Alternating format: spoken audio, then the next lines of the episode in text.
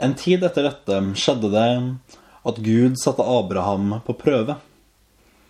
Han sa til ham, 'Abraham', og han svarte, 'Ja, her er jeg'. Da sa han, 'Ta nå din sønn, din eneste, ham som du har så kjær, Isak. Dra til Morialandet og ofre ham der som brennoffer på et av fjellene som jeg skal si deg. Så sto Abraham tidlig opp om morgenen og leste på eselet. Han tok med seg to av tjenesteguttene og Isak sin sønn. Han, han kløvde ved til brennofferet og ga seg så på vei til det stedet Gud hadde sagt ham. På den tredje dagen da Abraham så opp, fikk han øye på stedet langt borte. Da sa Abraham til tjenesteguttene, Bli dere her med eselet mens jeg og gutten går dit opp for å tilbe, og så kommer vi tilbake til dere. Så tok Abraham veden til brennofferet og la den på Isak sin sønn. Selv tok han ilden og kniven i hånden, og så gikk de sammen, de to. Da tok Isak til orde og sa til sin far Abraham, Du far? Og han sa, Ja, gutten min. Han sa, Se, her er ilden og veden, men hvor er lammet til brennofferet? Abraham svarte, Gud vil selv se seg ut lammet til brennofferet, min sønn. Så gikk de sammen, så gikk de videre sammen, de to. De kom da til stedet Gud hadde sagt ham. Der bygde Abraham alteret og la veden til rette. Så bandt han Isak, sin sønn, og la ham på alteret oppå veden. Og Abraham rakte ut hånden og tok kniven for å ofre sin sønn. Da ropte Herrens engel til ham fra himmelen og sa, Abraham, Abraham. Og han svarte, Ja, her er jeg. Da sa han, Legg ikke hånd på gutten, og gjør ham ikke noe for nå vet jeg at du frykter Gud, siden du ikke har spart din sønn, din eneste, for meg. Abraham så da opp, og se, bak ham var det en vær som hang fast etter hornene i et kjerr. Abraham gikk da bort og tok væren, og han ofret den som brennoffer istedenfor sin sønn. Og Abraham kalte dette stedet Herren ser. Derfor blir det sagt en dag i dag, på Herrens berg skal han la seg se.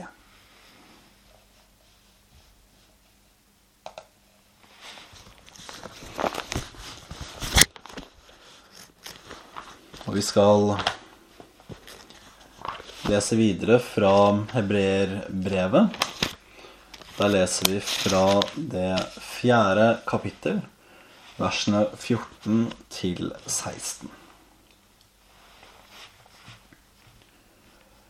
Da vi nå har så stor en ypperste prest, som er gått igjennom himlene, Jesus, Guds sønn, så la oss holde fast ved bekjennelsen. For vi har ikke en ypperste prest som ikke kan ha medlidenhet med oss i vår skrøpelighet, men en som er prøvd i alt, i likhet med oss, men uten synd.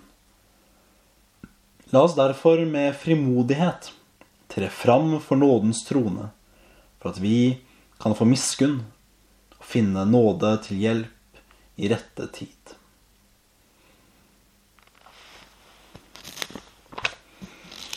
Og til sist så leser vi søndagens hellige evangelium fra evangelisten Johannes. Vi er i det ellevte kapittel, og vi leser versene 45 til 53.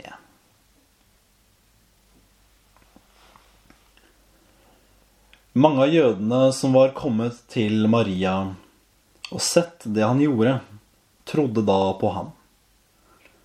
Men noen av dem gikk av sted til fariseerne og sa til dem hva Jesus hadde gjort.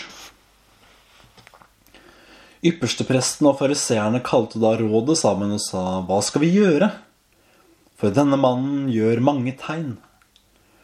Lar vi ham holde på slik, vil alle tro på ham. Så kommer romerne og tar både, både vårt hellige sted og vårt folk. Men en av dem, Kaifas, han som var yppersteprest dette året, sa til dem, Dere forstår ingenting.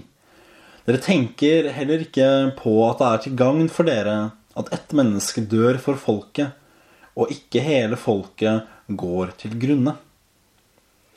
Dette sa han ikke av seg selv, men da han var ypperste prest dette året, talte han profetisk om at Jesus skulle dø for folket. Og ikke bare for folket, men også for å samle til ett de Guds barn som er spredt omkring. Fra den dagen la de planer om å drepe ham. Slik lyder det hellige evangelium. Nåde og fred fra Gud, vår Far, og Jesus Kristus, vår Frelser. Amen.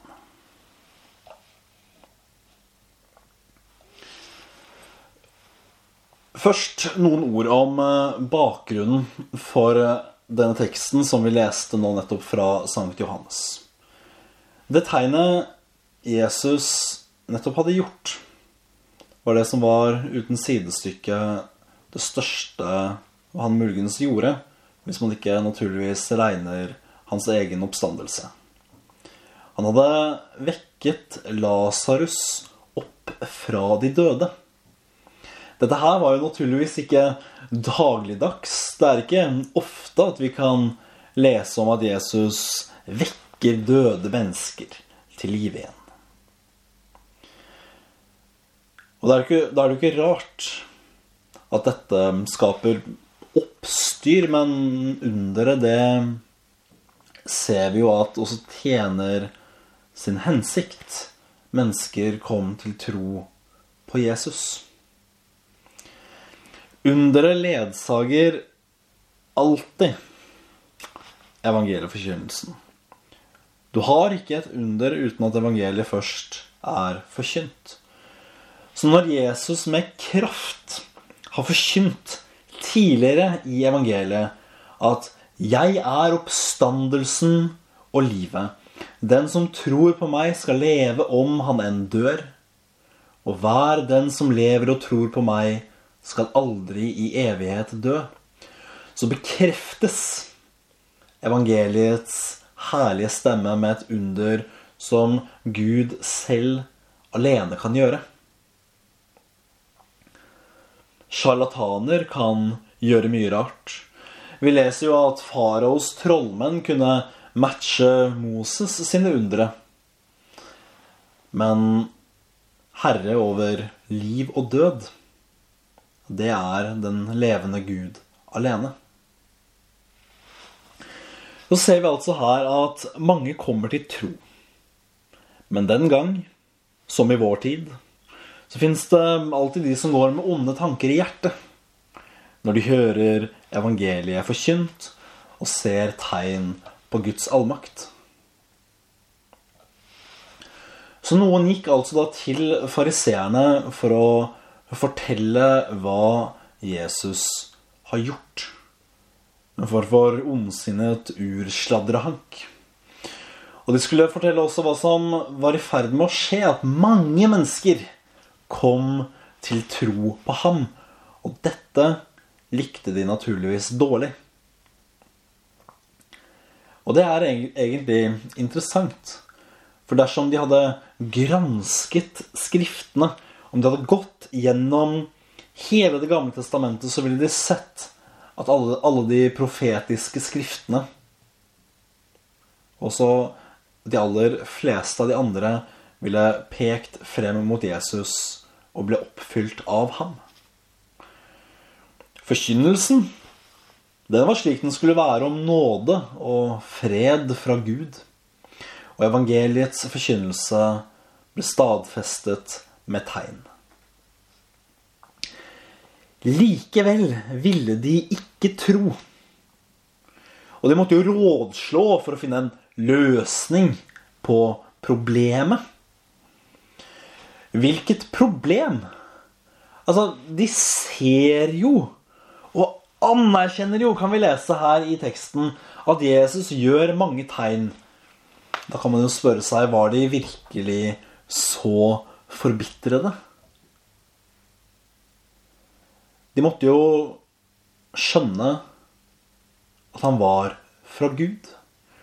Og jeg tror egentlig at de, at de innerst inne faktisk trodde at denne mannen ikke var noen sjarlatan eller taskenspiller. Han var Guds hellige.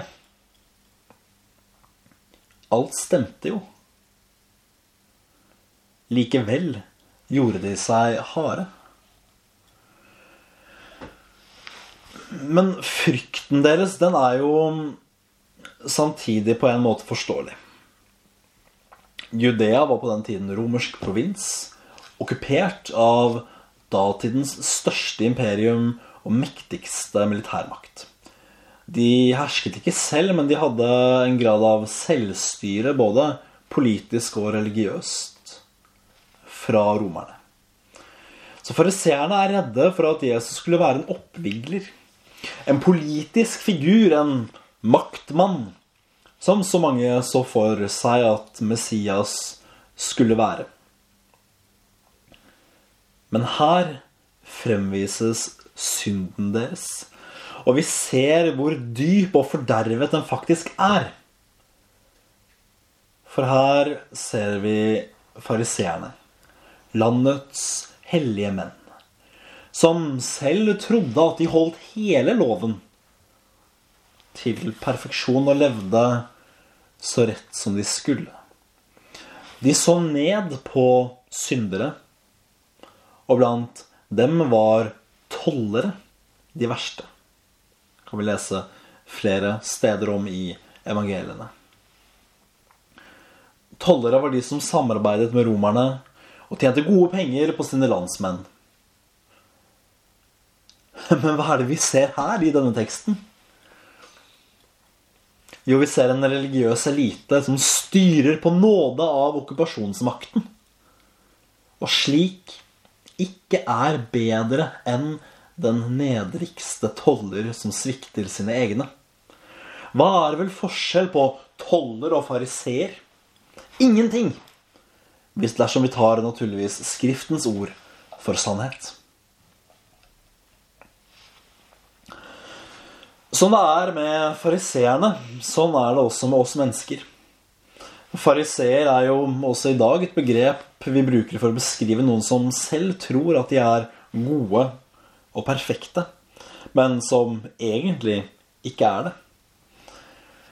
Den tanken som ypperstepresten og fariseerne hadde, finnes dessverre så altfor ofte hos folk også i dag. Vi tenker jo at vi er gode, at vi gjør så godt vi kan. Ingen er perfekte, sier vi. Og så legitimerer vi på den måten en livsstil som står stikk i strid med Guds ord, uten noen tanke for omvendelse. Og sånn kan vi jo naturligvis ikke tenke. Er vel vi bedre enn noen andre? Naturligvis ikke, men sånn tenker vi jo gjerne. Som fariseere så finner vi noen som er litt grann dårligere enn oss. Og som på en litt dårligere måte når opp til den standarden vi har satt. Og så dømmer vi dem. Vi kommer med vår pekefinger, og vi dømmer dem. Vi setter opp en rekke med menneskebud som vi tenker at skal følges om nåde den som viker av. Da får han fullstendig kjenne samfunnets fariseiske vrede. Når fariseerne, som var datidens hellige menn, og selv tenkte at de var rettferdige, beviselig ikke var bedre enn noen tollere eller andre syndere, for de styrte jo selv på nåde fra romerne, da må vi også ta et nytt blikk på oss selv. Ingen av oss har på noen måte aldri noensinne noe å smykke seg av. Om vi så er de flinkeste og frommeste kristne, om vi utad får til alt, så er vi fremdeles syndere som er avhengige av nåde.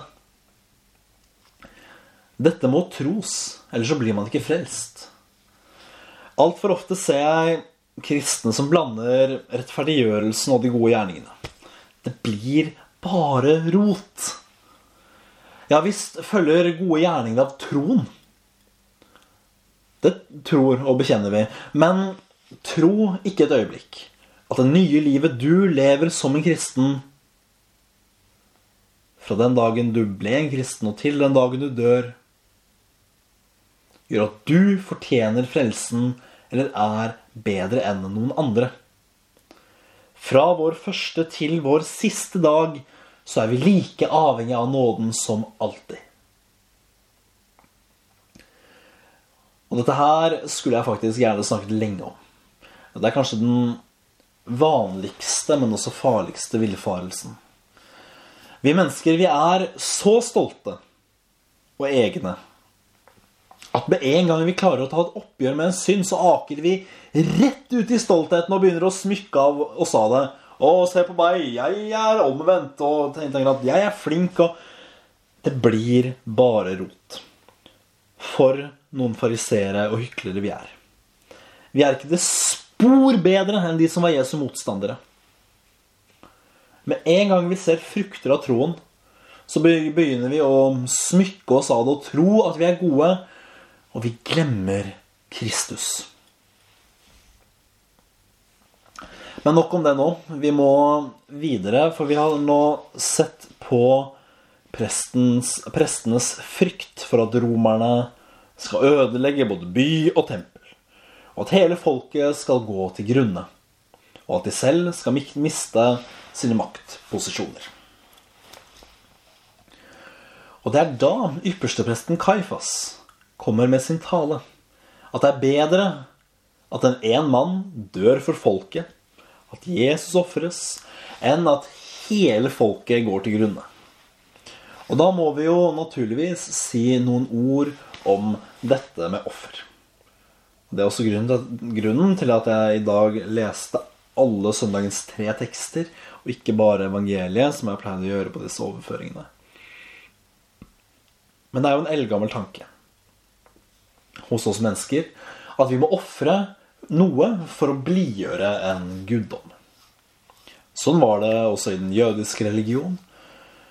Som ypperste prest så var det Kaifas oppgave å ofre Moselovens pålagte offer for å sone folkets synder. Slik var det. En synd krevde betaling, og da måtte dyr ofres. Men mennesker har også blitt ofret noe som var helt vanlig i det religiøse liv i det området som patriarken Abraham bodde i. Så da vi leste om Abraham som skulle ofre sønnen sin Isak, så kan vi faktisk lese det med stor interesse. For Abraham, han nøler ikke. Han er vel kjent med at guder i området har krevd det ypperste offer før et menneskeliv.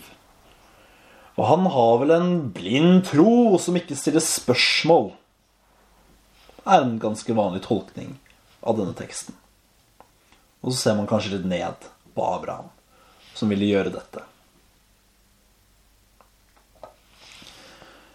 Men her viser Gud oss noe stort, som gjør at fortellingen om Isak verken er vond eller brutal. For det første så vet vi hvordan det ender. Gud sparer Isak og viser Abraham en vær som han skal ofre istedenfor. Gud vil her vise Abraham, og også oss som lever i dag, at han er en annerledes gud enn de falske løgngudene til folket omkring i området der. Gud har selv skapt menneskelivet som noe særlig og hellig, og vil ikke ha det ofret til seg. Ikke på den måten. Men også én ting til som er interessant, interessant å merke seg. At Abraham trodde på oppstandelsen. Og dette kan man si på grunnlag av det følgende. For Abraham hadde fått et løfte fra Gud. Om at gjennom Isak så skulle han bli en stor slekt. Dette var ennå ikke oppfylt. Men likevel stolte Abraham på dette løftet. Og han trodde og visste at Gud ikke ville gå tilbake på løftet sitt. Det betyr at han trodde på oppstandelsen. Det betyr at Abraham må ha trodd at i det øyeblikket han satt kniven i Isak, så ville Gud reise ham opp igjen. Dette er ikke en blind og fanatisk tro. Det er en sann og trygg tro på Guds løfter. Og det er en tro vi også med fordel kan etterligne. For det er en tro som er sann og forbilledlig for hva er vel egentlig troen annet enn å stole på Guds løfter? De løftene som er gitt oss i Bibelen. Og hva er det vi tror på? Jo, vi tror at det offeret som er det største, beste og det siste Det som en gang for alle er gjort av den store ypperstepresten vår, Jesus Kristus, det er det offeret og løftet som vi tror på. For alle Moselovens seremoniofre, ingen av dem var fullgode. De måtte gjentas. De skulle også en dag ta slutt. Og Gud ville stille frem et offer som han faktisk hadde glede i. Sin egen sønn, den eneste. Og sånn blir fortellingen om Isak og Abraham et bilde på Kristus. Og når vi ser dette, da gir Kaifas profeti mening. For Jesu død sparte ikke jødene for romernes ødeleggelse. Den kom omtrent 40 år etter, men Jesu død sparte oss alle for en mye større ødeleggelse enn den romerske. For alle mennesker har syndet alle mennesker kommer til kort for Guds lov. Tenker du selv når du hører dette, at det er tøv? Kommer tanker som 'Jeg er jo god nok', stort sett snill og grei. Eller 'Synd', kan vel ikke jeg gjøre bare som jeg vil? Da skal du sette deg ned med din bibel eller med din katekisme og nok en gang lese de ti bud så skal du tenke på livet ditt. Og om du har holdt alle disse til punkt og prikke fra den dagen du ble født og til i dag. Så kan du gjerne også tenke fremover om du alltid vil være i stand til å holde disse budene. Kommer, frem, kommer du frem til at ja, det har du klart, og det skal du fortsette å klare. Da må du gjerne fortsette å lure, lure deg selv. Men sant blir det ikke. Guds bud klarer ingen av oss å holde. Hvis man da tror at Gud faktisk eksisterer, så har man et problem. Dersom du har lurt deg selv til å tro at Gud ikke finnes, så er jo det greit nok. Da gir vel ikke budene hans mening. Men dersom du tror at Gud finnes, så må du samtidig erkjenne at å bryte hans bud vil gi deg trøbbel. For her er det flere ting å løfte fram.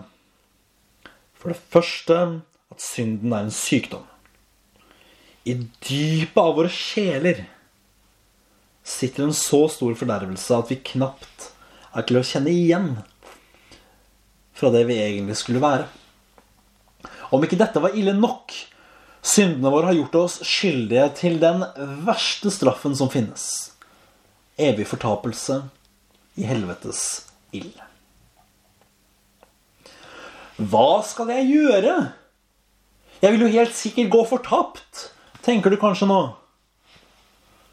Svaret er enkelt. Tro på ham som Gud har sendt, Jesus Kristus. Alt dette jeg har nevnt nå, det var det Jesus Kristus døde for å bøte på.